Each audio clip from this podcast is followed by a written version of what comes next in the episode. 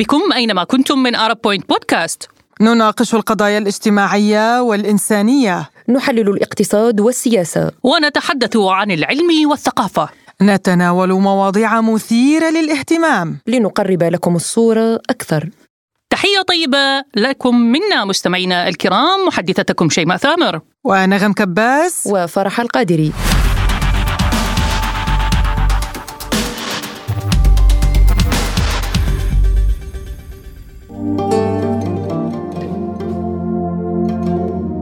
الزواج رابط مقدس بين شخصين أو ربما شراكة بين طرفين وبغض النظر عن التسمية قد يتعرض إلى انتكاسات من أحد طرفيه أو من كلاهما لتصبح الحياة صعبة والاستمرار أصعب. وما بين نار البقاء حفاظا على الأولاد والأسرة ونار الانفصال حفاظا على الكرامة تتأرجح المرأة. وما بين الأعراف والعادات والتقاليد الاجتماعية وما فرضه الدين تبقى هي من يدفع الثمن في الاستمرار أو النزول في أقرب محطة من قطار الزواج. وعلى مدى عقود وسنوات تخشى المرأة العربية بالتحديد أن يرتبط اسمها بالمطلقه فتجدها تتحمل وتتحمل فقط من أجل أن لا تصنف في خانة امراه مطلقة. حكم علي بالوحدة. والجريمة مطلقة. حيك الناس لي من ألسنتهم مشنقة. وصار لقبي مطلقة. مطلقة هي صفة. كانت ولا زالت غالبية النساء تخشاها لا سيما في مجتمع ينظر إليهن على أنهن ارتكبن جريمة شرف أو أخلاق. لكن في السنوات الأخيرة زادت نسبة الطلاق في المجتمع العربي بشكل كبير ومعظمها قضايا خلع أي المرأة هي من اتخذت القرار.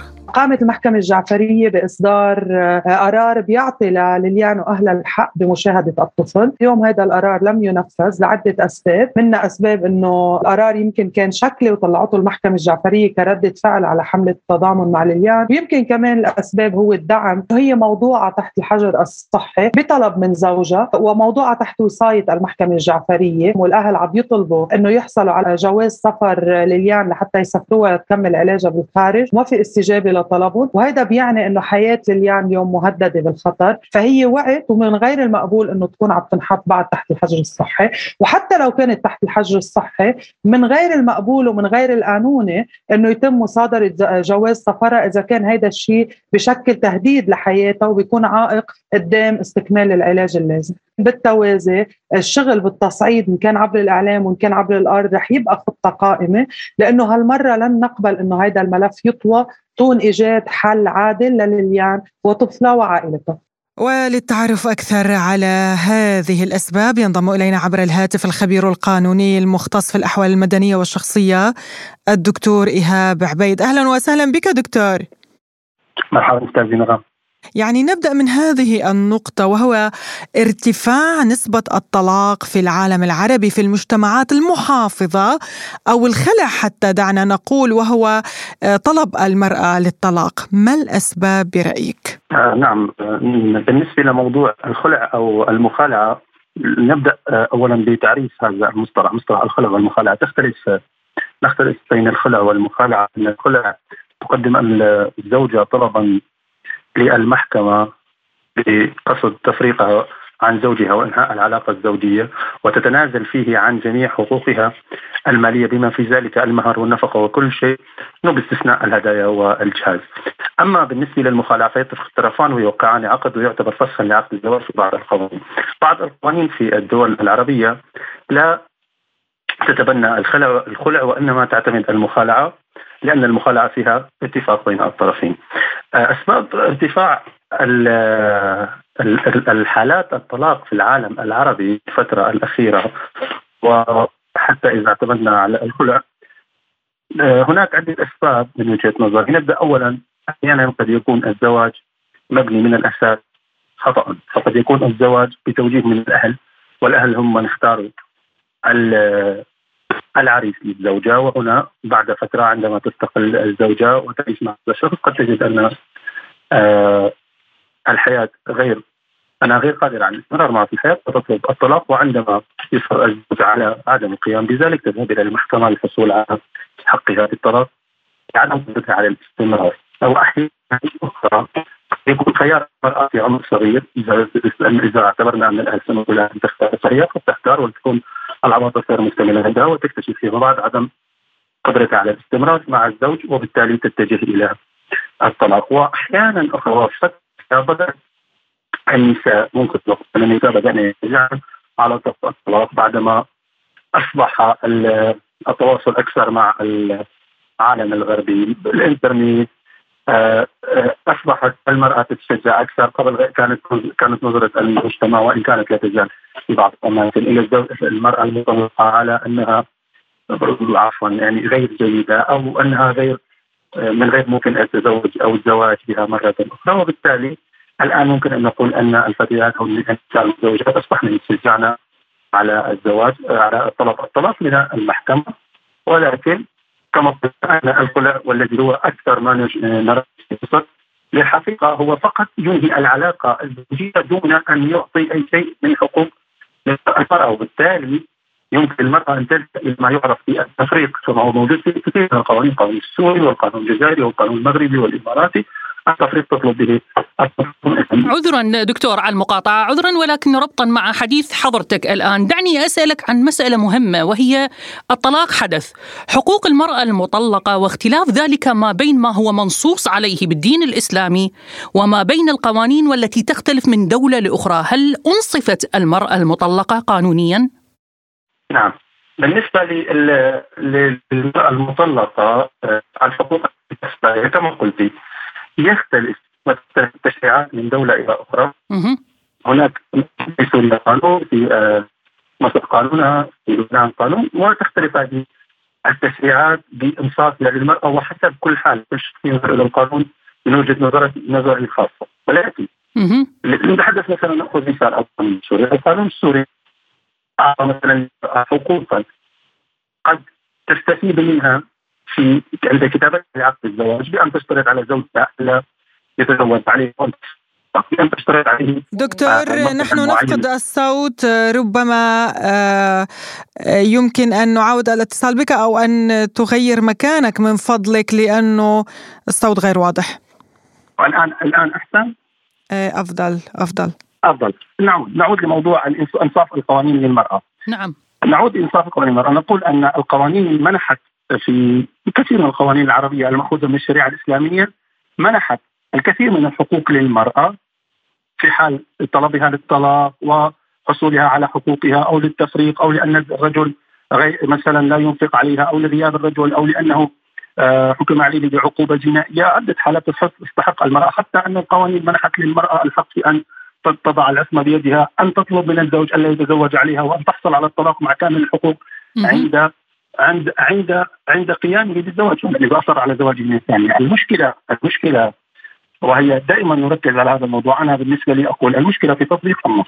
تطبيق النص الديني أم النص القانوني دكتور؟ النص القانوني، النص القانوني، عموما نصوص الأحوال الشخصية في العالم العربي مأخوذة من الشريعة الإسلامية من المدارس. بالفعل. من المذهب المالكي في بعض الدول مثلا في الجزائر من المذهب الحنفي في سوريا وغير ذلك.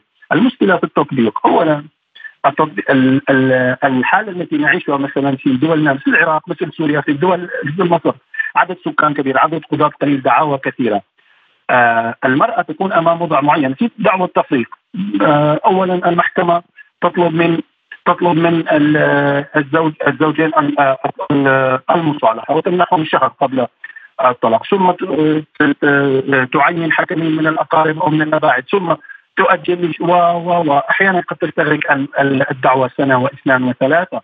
فتضطر المرأة للاستغناء عن التنازل. بعض حقوقها أو كلها من أجل أن تحصل على الطلاق لأنها لا تريد ان ليس لديها فقط صبر ليس لديها صبر إنها وصلت إلى قناعة انها لا تستطيع أن تمر السبب. اذا إلى حد ما نستطيع أن نقول أن القوانين العربية في بعض منها وخصوصا التي صدرت آه، تعديل القانون السوري، قانون الأحوال الشخصيه الأردني عام 2010 قانون الجزائري 2005 القانون الإماراتي والقانون القطري فيها فيها بعض النصوص الجديدة تطبيقها من الناحية العملية. طيب دكتور برأيك ما أكثر القوانين المنصفة للمرأة بالدول العربية؟ يعني أي هي أي دولة عربية هي الأكثر إنصافا قانونيا للمرأة بعد الطلاق برأيك؟ طيب نعود نعود نحن لنقول أن الموضوع أحيانا قد يكون نسبي كل شخص يراه من جهة نعم بالنسبة مثلا لنقول للقانون التونسي مثلا على سبيل المثال. ربما هو الأفضل حسب معلوماتي. ما رأيك دكتور؟ القانون التونسي مثلا أفضل من ناحية أنه يمنع تعدد الزوجات. ويعتبره حتى يعتبره أن تعدد الزوجات آه، يعتبره آه، آه، جريمه يعاقب عليه القانون الجنائي. هذا بالنسبة للقانون التونسي. طيب. مثلا في موضوع السمح بالتعدد. القانون المغربي ننظر آه يطلب موافقة الزوجة ويصر على موافقة الزوجة ويطلبها للحضور للمحكمة. وحتى القانون الجزائري بالمناسبة. آه الآن نعم هناك القانون الجزائري مع شوية رأي في هذا الأمر. المختلفة في القانون المغربي. إذا أما موضوع الحقوق الحقوق المعطاة للمرأة بعد الطلاق. ننظر لبعض القوانين العربية. مثلا القانون السوري، القانون السوري أصبح يمنح بعد التعديل في عام 2019 يمنح المرأة المطلقة من زوجها طلاقا تعسفيا. يمنحها الحق بطلب التعويض والذي يعادل تعادل قيمته ثلاث سنوات نفقة. سابقا أغلب القوانين أو حتى القانون السوري كان لا يمنح الحق للمرأة بطلب التعويض عن الطلاق التعسفي إلا إذا كان لا يوجد لها معيل أو لا كان أو ليس لها مال أو ليس عندها أملاك أو ليس عندها راتب أو دخل ثابت. الآن ينبغي لا يستطيع القانون بأي شكل من الأشكال أو القاضي أن يمنع الطلاق لأن في نص قرآني والقوانين مأخوذة من القرآن ولا وغير وغير والمجتمع غير جاهز للتبديل وللتغيير نحو قوانين مدنية، الآن القانون القانون سمح بهذا الشيء. بغض النظر عن إن كانت الزوجة آه، المطلقة لديها مال أو لا في حال كان الطلاق تعسفي فإن الزوج الزوج عليه أن يدفع التعويض وقد تشدد القضاة ومحكمة النقد في آه، اجتهاداتها في تعريف الطلاق التعسفي لدرجة أنه في بعض الحالات اعتبر أن عدم قدرة الزوجة على الإنجاب لا يكفي لكي يكون الطلاق غير تعسفي. هي بعض الحالات اللي أصبحت بعض القوانين العربية تسعى من خلالها إلى نوع ما إنصاف المرأة قدر المستطاع دون الخروج عن النص القرآني دون الخروج عن النصوص المأخوذة من الشريعة الإسلامية. أه، دكتور أنا بدي أشير إلى حضانة الأطفال. دائما ما يكون الأطفال هم نتي... أه، هم فريسة صراعات بين الأبوين وغالبا ما يستعمل الأب أو الأم الأطفال كوسيلة للضغط على أه، الطليق أو الطليقة. بالنسبة للحضانة في القانون بالدول العربية الذي يلزم المرأة بإعطاء والتخلي عن الحضانة في حال ما فكرت أنها تتزوج. فهنا تقع أيضا هي فريسه الاختيار بين أن تقبل على تجربة جديدة والزواج مرة ثانية أو أنها آه، تلتزم بحضانة أطفالها، إلى أي مدى ترى هذا القانون ينصف المرأة؟ نعم نعم. آه هون كمان نحن ننظر إلى القوانين تختلف تفصيلات القوانين، اذا بعض القوانين تقول فعلا أن الحضانة للأم، كل القوانين تعطي الحضانة للأم في حال الطلاق، ولكن إذا تزوجت الأم قد تفقد حقها في الحضانة، يعني تختلف القوانين هنا من دولة إلى دولة، أحيانا عندما يكون عندما يكون المحظون فتاة يختلف عنه عندما تكون المحظون المحظون آه، آه، صبي، لماذا؟ لأنه عندما يكون المحظون فتاة تتزوج الأم من شخص أجنبي أي فيما ما معنى أجنبي بالفهم الشريعة الإسلامي؟ أي أنه يحق له أن يكون أن يتزوجها فيما بعد هذه البنت، فهذه البنت تصبح غير محرمة له وبالتالي يصبح من غير المقبول بالفهم الديني أن تعيش معه هذه ضمن بيت واحد وان كانت هي مثابه بالمعنى الاجتماعي. هنا جاءت بعض القوانين وقالت أن إذا تزوجت المرأة و و إلى آخره، إذا تزوجت من غير دين. إذا هنا آه للأسف نحن مثل ما نقول استاذي فرح استاذنا الفكرة الآن أن هذه النصوص جميعها مأخوذة من الشريعة الإسلامية. لا يوجد في وضعنا الحالي في مجتمعاتنا نسبة الآن نسبة الناس الراغبة بالخروج. طيب دكتور آه، عندي سؤال آخر من حالة هي إحدى الحالات اللي أنا أعرفها شخصيا يعني الأم اضطرت أن تتنازل عن طفلها الوحيد وتنازلت عن جميع حقوقها بعد زواج استمر أكثر من 13 عاما من الألم والأذية النفسية. اضطرت أن تتنازل عن الطفل ووقعت ورقة بالمحكمة العراقية تتنازل عن حقوقها وطفلها لأن الأب كان عقيم يعني الطفل كان جاء بعد تجربة عملية زراعة الأنابيب. تنازلت عن وحيدها للأب وعدها بأن هذا الطفل سوف يسمح لها بأن من وقت إلى آخر. وإذا بها تفاجأ بأن الأب غادر العراق إلى تركيا وهي منذ أربع سنوات لم تسمع صوت ابنها. طب هون شو شو في يعمل القضاء العراقي بهيك حالة؟ السؤال الذي يطرح نفسه هنا هل هناك جزئية قانونية تقول أنها في حال تنازلت عن الحضانة يحق أن للطرف الآخر أو الزوج أن يبعد أو يقصي الابن عن أمه تماما؟ لا لا طبعا أولا الحضانة من الحق العام. لا يجب أن تتنازل عن الحضانة من حيث المبدأ ولا يجوز حتى لو تنازلت يبقى لها حق لأن هناك ترتيب وهذا من النظام العام. الأم قبل الأب وهو إلى آخره المفروض أن تتنازل عن هذا الموضوع. ولكن حق القراءة ورؤية الطفل لا يجوز بأي شكل من الأشكال ولا أي قانون يسمح بذلك. ليس فقط للزوج حتى لو مثلا توفي الابن وجده وجدته يريدون أن يروه. نعم. لهم الحق كل أسبوع أن يرونه سواء في مكان إقامته أو في مكان مخصص للقراءة. إذا هذا التصرف صار اولا حصل هناك عقد اتفاق بينهما. اختارت هي ذلك اولا ثقة بزوجها ثانيا لأنها أرادت أن تنهي العلاقة الزوجية. ثم تصرف هو وغادر وهو يحق له أن يسافر بابنه طالما هو الولي المسؤول عنه. ثم تصرف معه بهذا الشكل. فهنا المشكلة الاكبر المشكلة الأكبر ليست في النصوص في النفوس في الناس في العقلية في التربية. في النفوس البشرية نعم. نعم المشكلة الناس تتعامل مع بعضها البعض وليس نحن المجتمع يجب أن يكون لدينا يعني دكتور هو موقف لا إنساني لا أخلاقي ولكن أيضا القانون لا يستطيع هنا التدخل.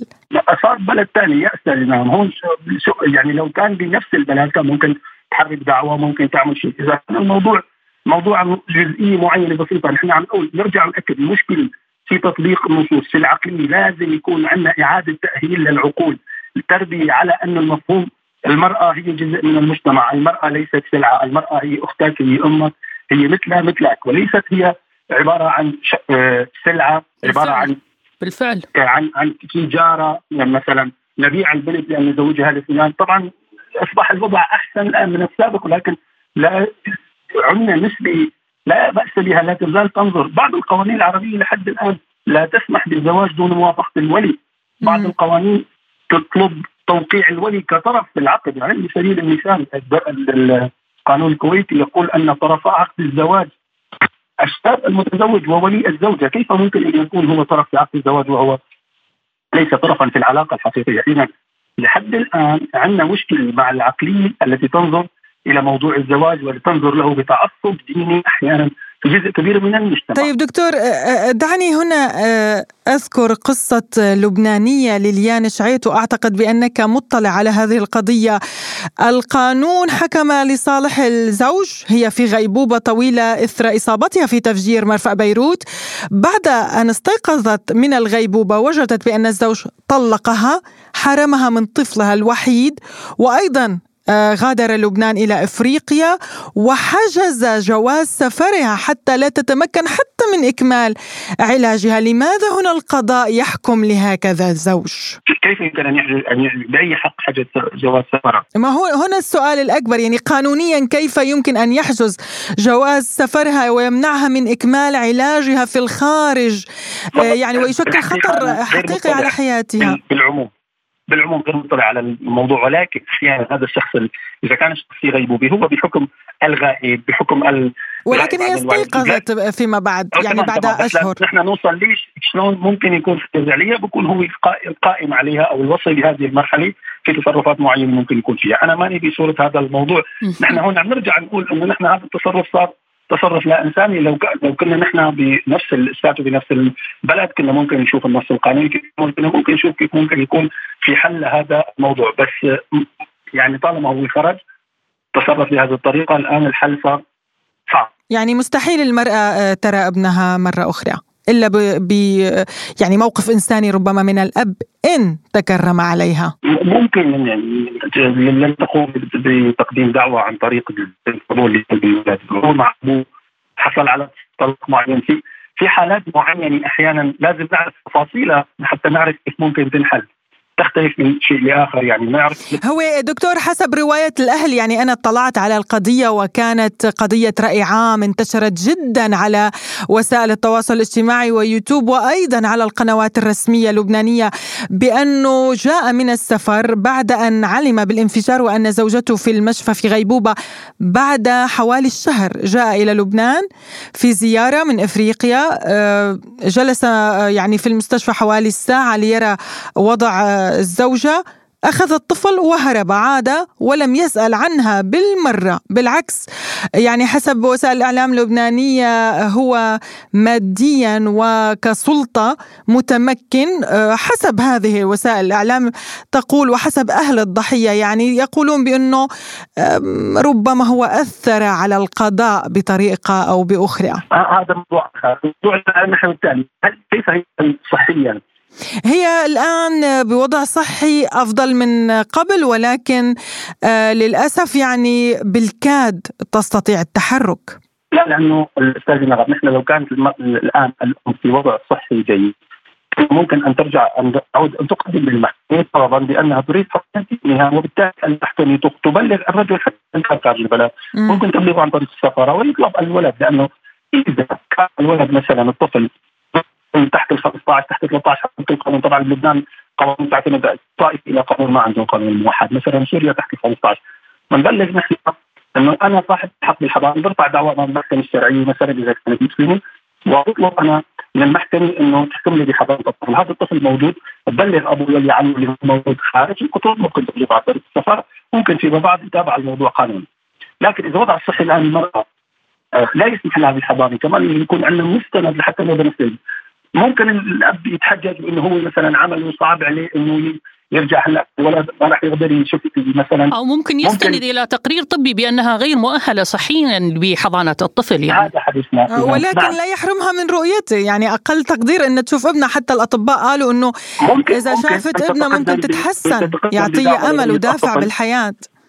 ممكن أن تتقدم بدعوى لرؤية الطفل وقد تحكم المحكمة.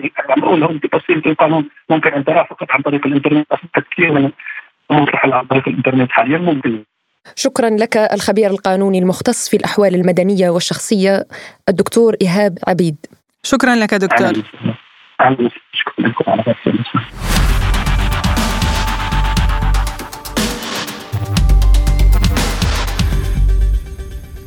النظرة القاسية التي تقع على المرأة المطلقة بحكم ثقافة المجتمع والفهم الخاطئ لأعرافه يجعلها ينظر إلها نظرة بلا رحمة بلا عطف كأنها ارتكبت جريمة لا تغتفر. على عكس الرجل المطلق الذي لا يلأم أبدا والبعض ممن يجهل في الدين لا يفقه فيه شيئا يعطي الأحكام بهذا الموضوع وينسب ذلك إلى الدين. وللأسف الكثير ممن لا يفقه بالدين ينسب أشياء ما أنزل الله بها من سلطان فيما يخص حقوق المرأة المطلقة والكثير يسأل ويتساءل متى يحق للمرأة أن تطلب الطلاق؟ عن هذا السؤال يجيب الشيخ عمرو عبد الكافي قائلا. الزوجية ده قطار. متى أنزل من القطار؟ أو أنزل اللي معايا؟ متى أول محطة؟ أو المحطة المناسبة؟ أن يهبط أحد الزوجين فيها ويترك قطار الزوجية. أنا أعطيت فرصة المحطة الأولى والثانية والثالثة وكذلك الزوجة يعني. أعطوا فرصة. واحد واثنين وثلاثة. طيب مرت سنة ومر سنة أخرى ومرت عشر سنوات ومر أكثر. وما زال الحال كما هو ولم يأتي الخلاص. هي تقول هو كما هو بخيل عصبي لا يرضيه شيء ناقد ينظر إلى آه، صغار الأمور ينسى تماما أن في حسنة ما بالباقي من العامية كده عينه زايغه يعني يعمل برج مراقبة يعني اللي رايحه واللي جاية وبعدين كذاب وبعدين أهله حاطين أنفهم في حياتي. أنت يا بنتي بعد الصفات دي كلها ولسه مستنية في القطار. ده أنا لما موجود أنا إذا جاز لي أن أزيحك من القطار تنزل وبعدين يكذب ويعيد الكذب. هكذا أيضا يا ولدي. أنت تقول متى أطلق؟ طيب هي عنيدة شرسة متسلطة. تركت المساحة لأمها أن تضع أن تفرخ وتصفر في البيت على راحتها. بدأت تتترس بالأولاد. اعتبرت إن الأولاد دول إيه؟ حرز لها ضدك. لا يرضيها لا القليل ولا الكثير. دايما تصغر من شأنك أمام أهلها أو أمام أهلك. سبحان الله. بالله عليك يعني كيف تبقي عليها؟ هذا الطلاق رب العباد شرعه لكي يكون مخرج طوارئ في الطائرة. يجب أن يفتح عندما تشتعل مواتير الطائرة وموتوراتها في أن الطائرة سوف تسقط.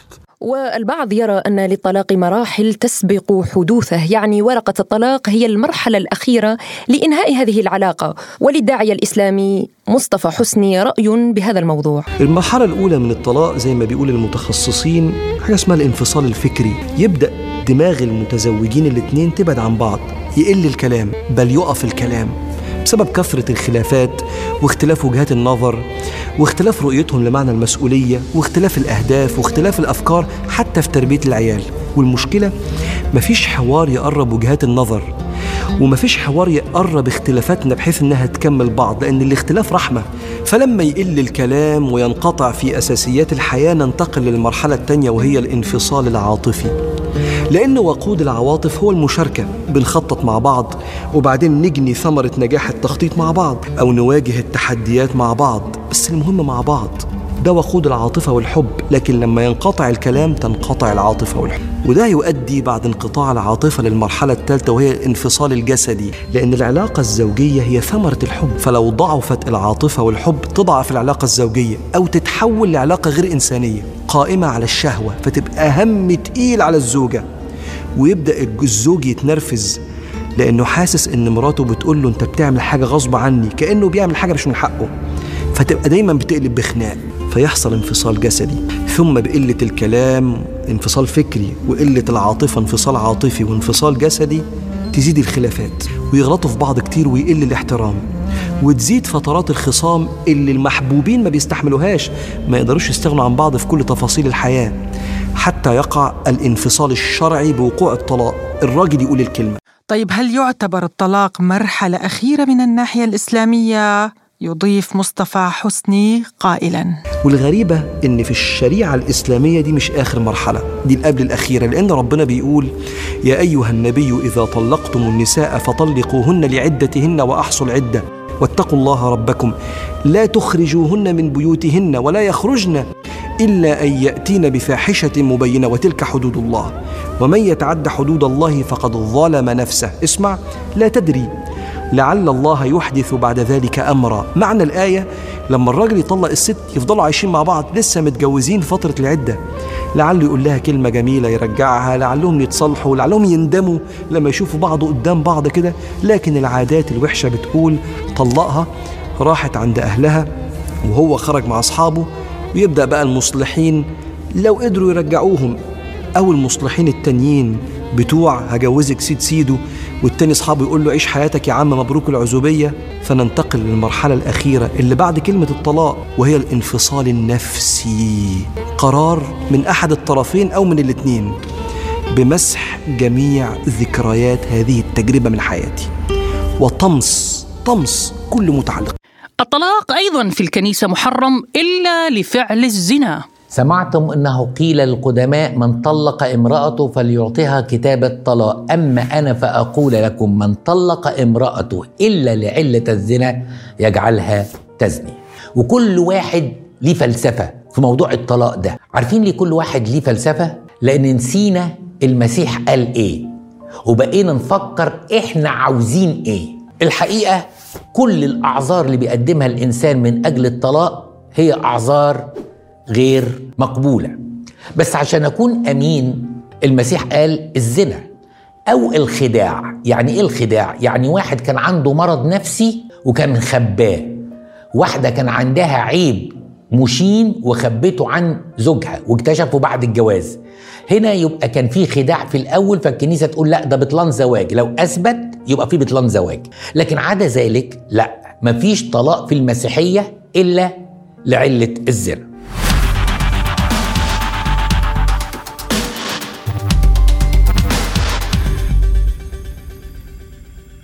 هذه الأزمة الاجتماعية المرتبطة بالزواج في مجتمعاتنا سببها طبيعة العقليات التي تعيش في هذا المجتمع. للحديث أكثر على تبعات هذه النظرة السلبية ضد المرأة المطلقة تنضم إلينا عبر الهاتف من بلجيكا الإعلامية والناشطة الحقوقية ومؤسسة جمعية الجالية التونسية ببلجيكا الأستاذة حليمة بوزيان. أستاذة حليمة مرحبا بك بأرب بوينت بودكاست وأشكرك على تلبية الدعوة. وأنا بدوري أشكركن يعني وكل النساء العاملين معكم بالقناة.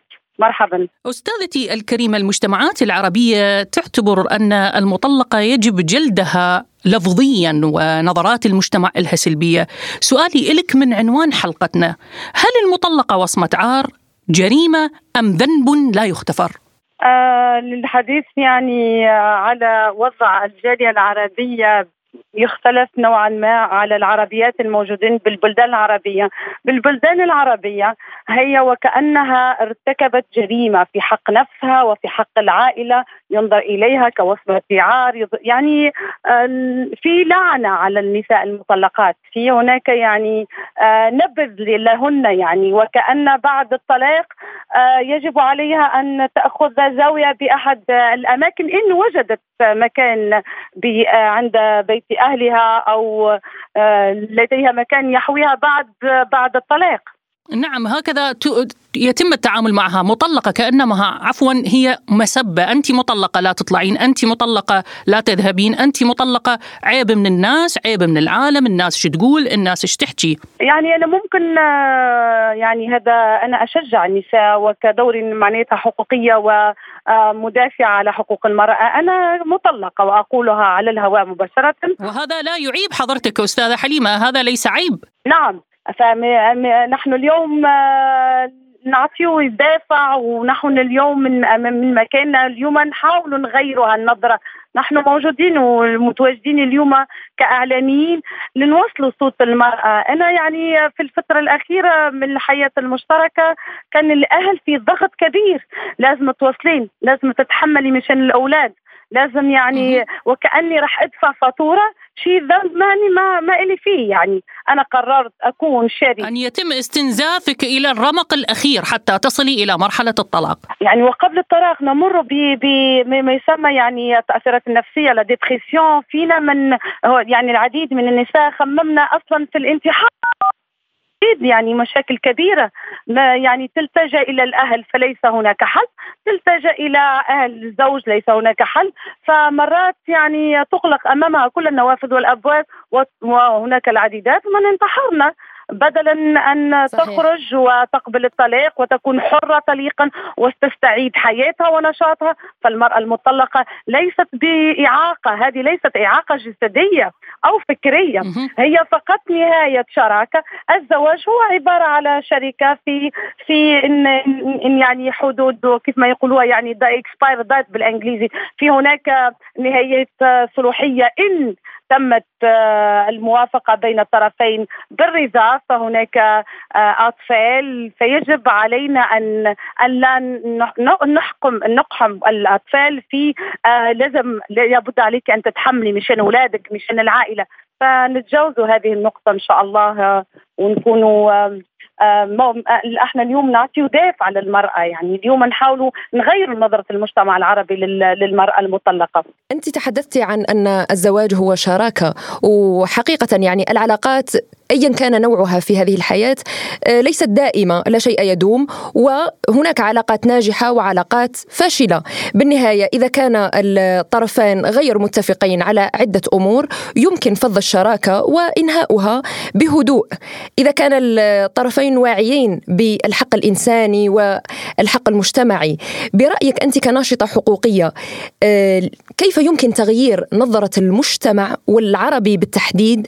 إلى هذه الصفة صفة المطلقة وهي صفة عادية يعني بالعموم عزباء أم مطلقة أم أم أم أنها يعني غير مرتبطة وغير متزوجة؟ نحن كنت ذكرت في أول يعني لقائي إنه آه، في نظرة آه، بدأت تتغير آه، من ناحية العربيات المتواجدين بأوروبا. نظرا للقوانين. القوانين الأوروبية تأخذ حق المرأة وحق الطفل وتساعد على أن المرأة التي لا تستطيع ولا تتحمل مواصلة هذه الفترة من الزواج أنها تنطلق. في هناك مؤسسات ترعاها في هناك جمعيات في هناك توعية في توجيه توجيه.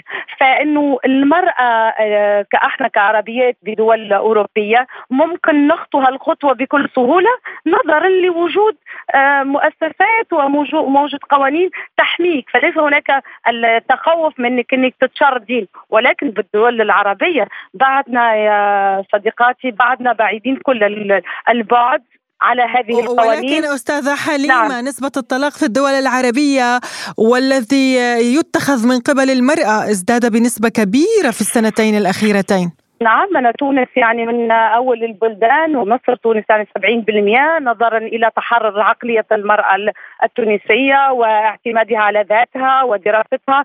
فهناك دراسات تقول أن مدة الزواج بتونس في السنوات الأخيرة مرات لا تصل إلى سنتين أو ثلاثة. ف صحيح. يعني في كل منطقة عربية هناك قوانين. إحنا نرجع ونقول قوانين البلد. أنا ك يعني كناشطة حقوقية ولكن كعربية تونسية أنظر إلى الطلاق بتونس. يختلف عن الطلاق بالعراق يختلف على على الطلاق بالمغرب. يعني متواجد هوني في جمعية عربية وضم العديد من الجنسيات. كل كل يعني امرأة لديها لديها أعذار غير الأعذار البلد الثاني. فنرجع نقول المشكلة إنه المجتمع العربي كيف ما كان ينبض المرأة المطلقة وينبض المرأة يعني المطلقة وبأولاد وكأنه آه يعني عبء وحمل وهنا أشير فقط طيب أستاذة حليمة يعني أنت برأيك آه هذه النسبة تأتي من وعي المرأة العربية؟ يعني في الآونة الأخيرة ازداد وعي المرأة العربية لحقوقها فلم تعد بها بكلمات المجتمع وبلوم المجتمع لها وتجرأت على اتخاذ هذه نعم، الخطوة. نعم هي خطوة جريئة ونحن لا نشجع الطلاق. نحن نقول إن أبغض الحلال عند الله الطلاق. نحن لا نشجع على الطلاق ولكن طيب أستاذة حليمة سؤال آخر ممكن يعني أن يسمع الكثير الآن لحوارنا مع حضرتك.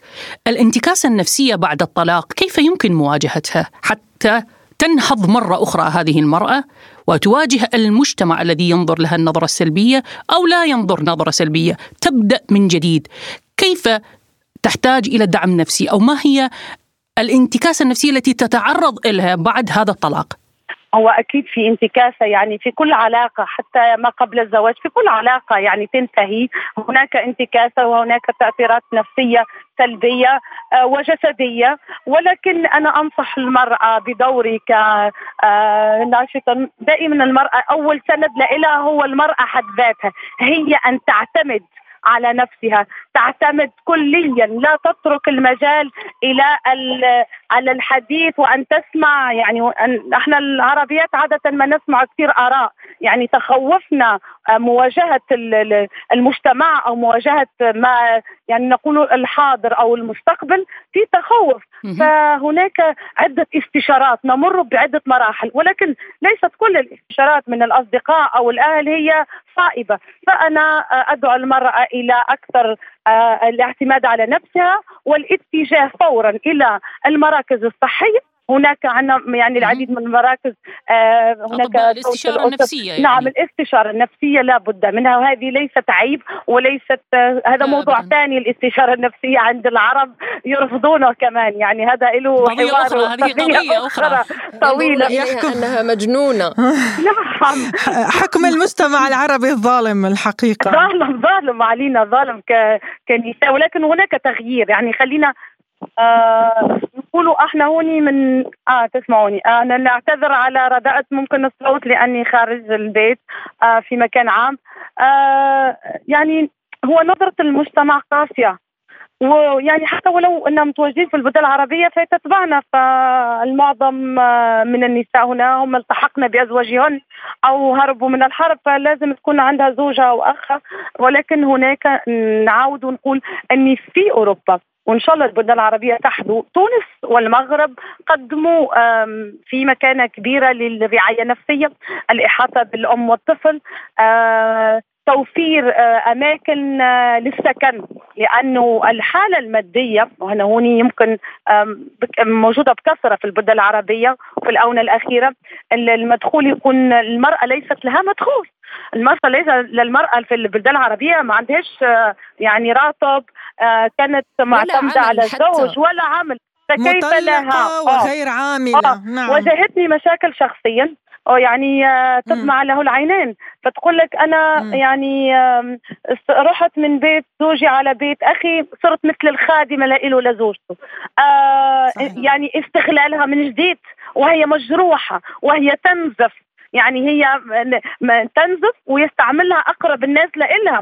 أو لو راحت عند أهلها تقول لك أبي متوفي أمي متوفية أو أبي تزوج. هناك العديد من المشاكل. لذا نحاول آه، نوعي كل النساء أنه لا يتوكلوا على الأهل ولا يتوكلوا الا على أنفسهم بالاتجاه نحو الدولة نحو المراكز العمومية. اللي موجودة في كل بلد آه، رعاية الأم والطفل يعني ما بعرف العراق شو بيسمونها أو بالمغرب نعرف يعني هناك العديد من الجمعيات الخيرية والحمد لله بالعراق القضية مختلفة تماما ست حليمة بالعراق القضية مختلفة تماما إذا طلقوا وأصبحوا خلص أعداء وكل واحد يروح بطريقة وانتهى الموضوع يعني آه. بالكاد تحصل على نفقتها أما بالنسبة للمسكن والتفاصيل الأخرى نعم. فهو لا نعم. ينفق على هذا ابدا يعني. آه هناك قضايا إلى حد الآن. هناك قضايا لحد الآن. مرت خمسة ستة سنوات. آه، ما فيش نفقات تدفع للأطفال. ما فيش للزوجة. ويتم استغلالها يعني حتى احوصل هناك كذلك مشكلة أخرى أن المرأة وهي مطلقة وهي تنزف وهي جريحة يتم استغلالها من أقرب الناس اليها أو يتم استغلالها في العمل الأسود أو في أشياء يعني آه، لا تحمد عقبها في الآخر يعني. نعم الإعلامية والناشطة الحقوقية ومؤسسة جامعة الجالية التونسية في بلجيكا حليمة بوزيان شكرا جزيلا لك أستاذة على هذه المداخلة. شكرا لكم. طاب يومكم.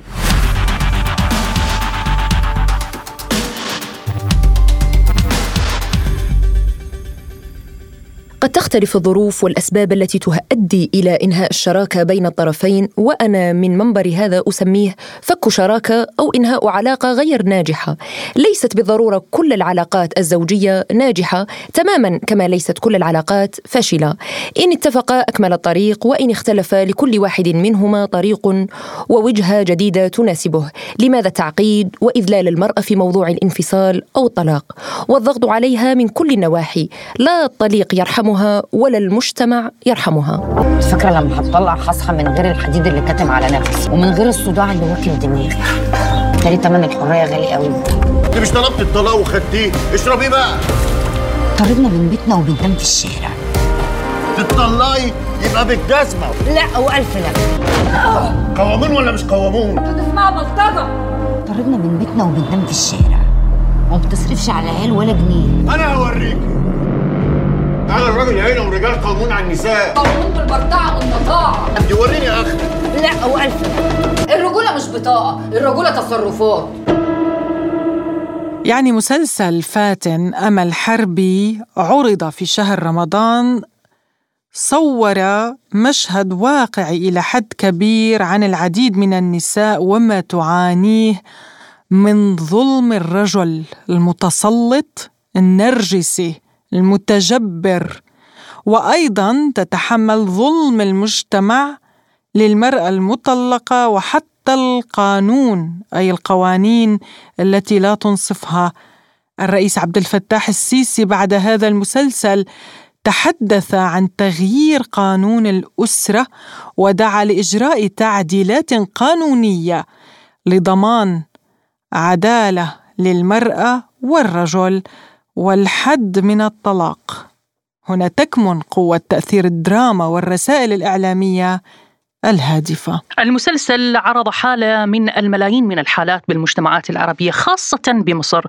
وما جذبني هو وقفة الشيخ بالأزهر الذي عندما التجأت له للحصول على معلومة دينية تؤكد أن الحضانة ليست للأم. أخذ يبحث ويبحث في الدين إلى أن توصل إلى معلومة أنه لا يوجد نص قرآني يحرم الأم من حضانة أبنائها، مما يجعلها ترفع قضية على المحكمة لتغيير هذا القانون. أنا مش ضعيفة وليا في الحياة مطرح ومش قابلة أكون كومبارس على المسرح وزي ما هتجرح هجرح قراري من دماغي سيف أنا الإرادة وطايرة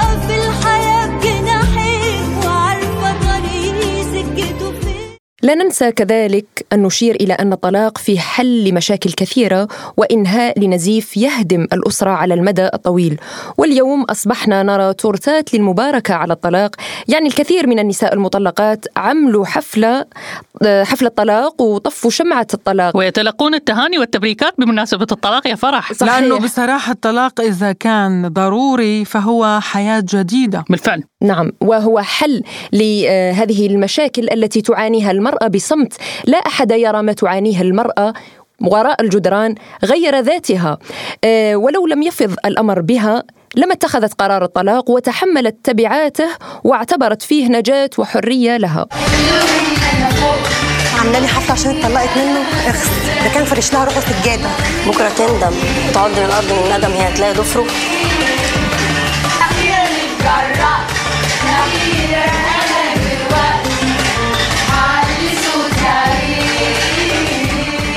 هذا الموضوع يا أصدقائي وزميلاتي ومستمعينا شائك ويجب الخوض به على أعلى المستويات لأنه يشكل نصف المجتمع أي المرأة يخص المرأة التي تعاني بالدرجة الأولى من حضانة الأولاد من الوضع الاقتصادي والمالي الصعب بعد الطلاق. يعني تجد نفسها فجأة مطلقة وفي رقبتها أطفال ومتروكة وحيدة لا دعم لا من الأهل ولا من المجتمع ولا من الزوج ولا من القضاء. يعني يمكن أن يبدأ الرجل حياة جديدة مختلفة ويبني أسرة جديدة ويكون له أطفال جدد والمرأة تبقى طوال حياتها. تقدم وتقدم للأطفال وللأولاد وتدفن نفسها في الحياة إكراما لأطفالها. فنجد أنها إما تدفن نفسها مع زوج عاق وإما مع ظروف الحياة القاسية خاصة الاقتصادية الحالية في جميع أنحاء العالم. بالفعل بالفعل يا نغم أنا رأيي يختلف تماما. دعونا نأخذ الموضوع من منظر آخر. يا مستمعينا الكرام أصدقائنا وزملائنا وكل من يسمعنا الآن تزوجوا لأنكم تريدون أن تتقاسموا الحياة مع من تحبون. تزوجوا ليس من أجل إنشاء الأطفال أو زيادة النسل، الزواج مؤسسة كبيرة عظيمة راقية، لو بنيت بنيان صحيح، فما أسس على باطل هو باطل، وما أسس على خير فهو خير. تزوجوا ممن تحبون، افهموا ما هو الغرض من الزواج، لماذا نتزوج؟ وليس نتزوج لأن الأهل طلبوا الزواج لينتهي بهنا المطاف. في المحاكم. آه، يعني هنا أضيف على كلامك أنه ليس بالضرورة كذلك أن يكون الزواج فقط عن طريق الحب لأنه هناك مئات أو بل ملايين من حالات الطلاق آه، بين طرفين كانوا على علاقة حب دامت لسنوات لي. آه، هنا يجب أن يكون الوضوح بين الطرفين منذ البداية. يعني لا يكون هناك تزييف لواقع يعيشه الرجل أو لواقع تعيشه المرأة. الكثير من النساء تتفاجأ بشخصية الرجل بعد الزواج تتفاجأ بتعاطيه للحبوب تعاطيه للمشروبات الكحولية لقضائه الكثير من الوقت والسهرات خارج البيت عدم إنفاقه وبخله الشديد. هناك الأسباب المتعددة التي تدفع بالمرأة أن تتخذ هذا القرار وهو قرار الانفصال وتتحمل لوحدها تبعاته. يا جماعة بدنا نعيش مرة وحدة. بالفعل. يا منعيش منيح يا إلا ما منعيش منيح. فأما حياة تسر إيه. الصديق وأما ممات يغيظ العدا. إيه صحيح. فلذلك يعني اللي بتلاقي حالة وصلت لنقطة النهاية تترك كل شيء وتمشي. تنزل من قطار الزواج. كنت أريد أن أقول أن تنزل في المحطة الأقرب أحسن ما أنك تتأخر وتتأخر. آه اللهم بعدنا عن الطلاق. بالفعل واعد. نحن هنا لا نحرض طبعا بالتأكيد عن الطلاق فهو نحن فقط الحلال. نذكر الحالات بالفعل. يعني الاستثنائية التي آه، ترى نفسها نعم. المرأة في جحيم نعم. فقط. جعل الله بيوت الجميع عامرة بالمحبة والاحترام والحب. امين ويعني أمين. وهذا الشيء أكيد مجهود من كلا الطرفين يتطلب. الحياة ليست سهلة. تنازلات كثيرة يا نغم. طبعا تكاتفوا تكاتفوا وعطاء من الطرفين. بالتأكيد. نعم.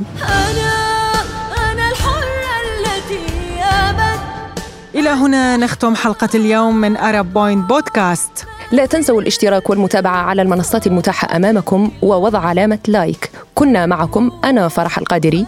وأنا نغم كباس. وأنا شيماء ثامر وأودعناكم وفي أمان الله. بتعليقاتكم نستمر.